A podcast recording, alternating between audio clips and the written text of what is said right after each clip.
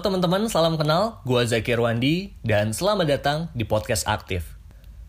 Berbicara tentang uang, nggak bisa kita pungkirin lagi kalau uang sudah menjadi salah satu bagian penting di dalam hidup kita. Seperti yang kita tahu, jika kita hidup tanpa uang, maka akan membuat kita sulit untuk memenuhi kebutuhan hidup kita sehari-hari. Makanya, tidak heran betapa uang sangatlah dibutuhkan oleh banyak orang bekerja dari pagi hingga larut malam demi mendapatkan lembar-lembar uang.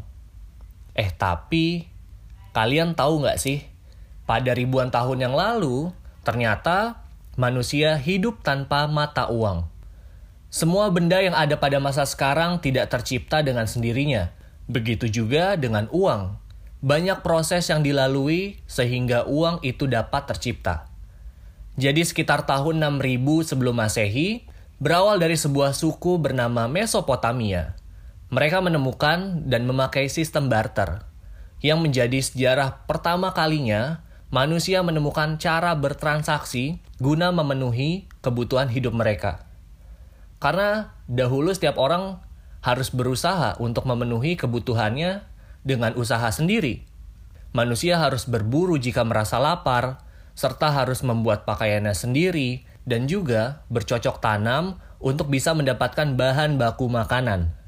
Beragam bentuk barang pun menjadi sebuah standar transaksi, seperti sayur-sayuran, binatang ternak, gandum, dan berbagai macam bahan kebutuhan lainnya.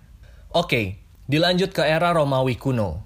Saat itu, bangsa Romawi menganggap garam sebagai barang berharga untuk dijadikan alat tukar hingga menjadi upah atau gaji untuk para tentaranya pada masa itu.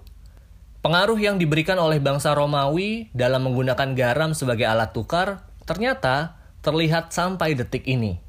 Kata upah atau salary di dalam bahasa Inggris ternyata itu berasal dari bahasa Latin, yaitu salarium, yang berarti garam. Namun, sistem barter ini mempunyai kekurangan seperti sulit untuk menemukan orang yang mau menukarkan barangnya dengan apa yang kita miliki, dan kurangnya daya tahan benda-benda tersebut sehingga tidak tahan lama. Lalu, digunakanlah logam sebagai alat tukar karena memiliki nilai yang tinggi dan daya tahan yang lama. Logam yang digunakan berupa emas dan perak, sejalan dengan perkembangan ekonomi pada masa itu. Tapi, lagi-lagi, penggunaan logam sebagai alat tukar akhirnya mengalami kesulitan karena penggunaan logam sulit dilakukan untuk transaksi dalam jumlah yang besar. Kemudian, diciptakanlah uang kertas, yang pada saat itu kertas yang digunakan menjadi sebuah bukti dalam kepemilikan emas ataupun perak. Selanjutnya, masyarakat tidak lagi menggunakan logam secara langsung sebagai alat tukar, melainkan menggunakan kertas bukti tersebut sebagai alat tukar. Nah, kertas bukti tersebut inilah yang menjadi asal muasal dari uang kertas seperti yang ada pada saat ini. Perkembangan dalam cara kita melakukan transaksi pembayaran terus-menerus mengalami inovasi dari masa ke masa.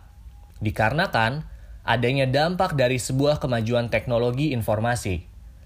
Seiring dengan kemajuan sistem digitalisasi jasa keuangan, Sejak bulan Juli tahun 2009, di Indonesia mulai berkembang perusahaan penyelenggara uang elektronik dengan produk dari server base seperti Link Aja, GoPay, ShopeePay, dan OVO, dan chip base seperti Breezy dan Flash.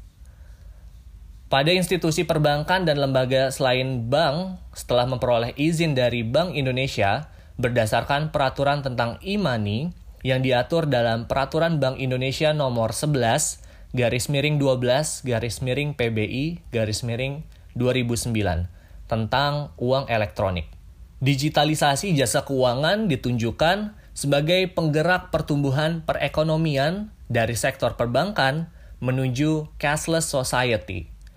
Hal ini diperkuat dengan visi yang diuraikan oleh Gubernur Bank Indonesia, Bapak Peri Warjio, ada lima visi sistem pembayaran Indonesia 2025 sebagai bentuk respon perkembangan digitalisasi yang bisa mengubah landscape risiko secara signifikan.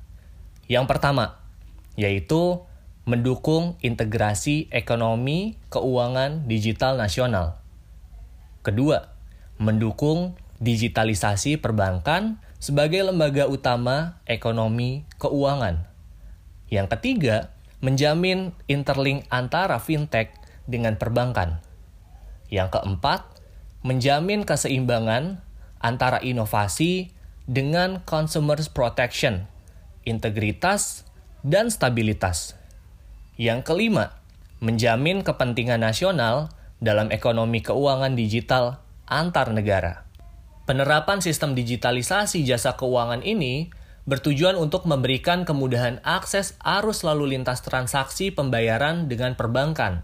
Makanya, para ahli teknologi informasi melakukan kolaborasi dengan perbankan untuk menciptakan aplikasi perbankan yang saling terintegrasi. Sekarang kita udah banyak merasakan kalau layanan perbankan dengan sentuhan digitalisasi sudah sangat memudahkan kita untuk bertransaksi.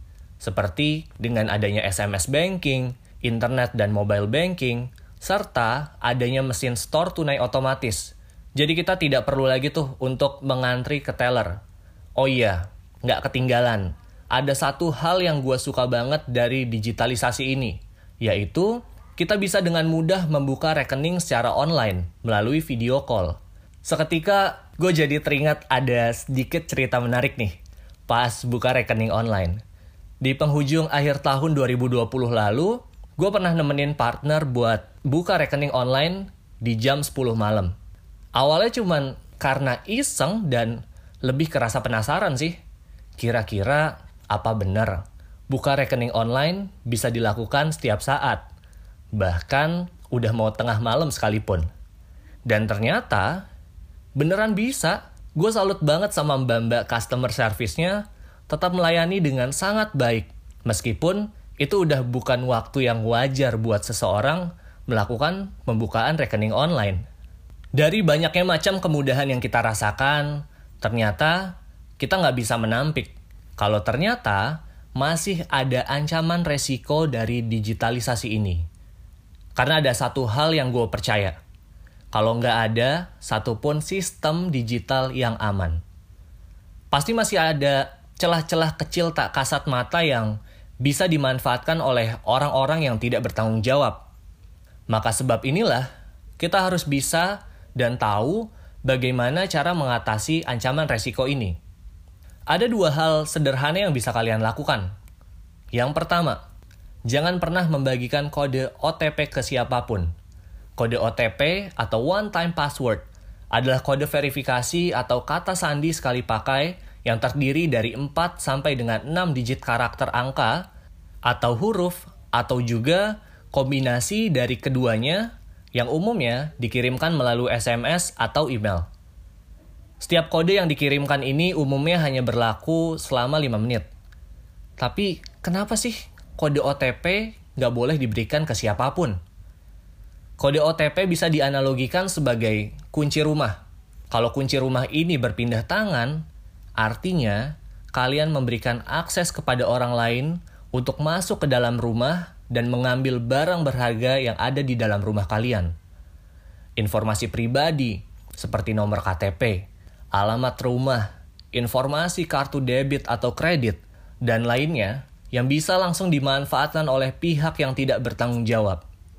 Karena itulah, selalu berhati-hati jika ada pihak yang menghubungi kalian dan mengaku sebagai perwakilan dari pihak tertentu dan meminta untuk memberikan kode OTP yang dikirimkan kepada kalian. Yang kedua, harus tahu nomor call center resmi. Masih banyak banget nih orang yang sepele akan hal ini Semisal kartu ATM kalian tertelan dan ada orang asing yang menawarkan bantuan dan menyuruh untuk menghubungi nomor tertentu dengan embel-embel supaya bisa bantu. Kalian harus langsung segera tolak dan tetap tenang. Kemudian cari nomor call center resmi dari produk perbankan yang kalian gunakan. Setelah itu, minta sambungkan ke customer care dan minta arahan lebih lanjut. Untuk meringkas beberapa bahasan dari yang sudah gue sampaikan, gue mau mengutip quote Charles Darwin yang disampaikan oleh Kang Ronald Surapraja pada sesi webinar Bicara Makro Prudensial. Isi quote-nya kayak gini. Bukan yang terkuat yang bisa bertahan. Bukan juga yang paling pintar. Melainkan mereka yang paling adaptif menghadapi perubahan mereka lah yang paling bisa bertahan. Kalau kalian suka dengan episode dan bahasan kali ini, jangan sungkan untuk like dan share supaya lebih banyak orang-orang di luar sana yang mendengarkan podcast aktif. Terima kasih, gue Zakir Wandi, dan jadi aktif.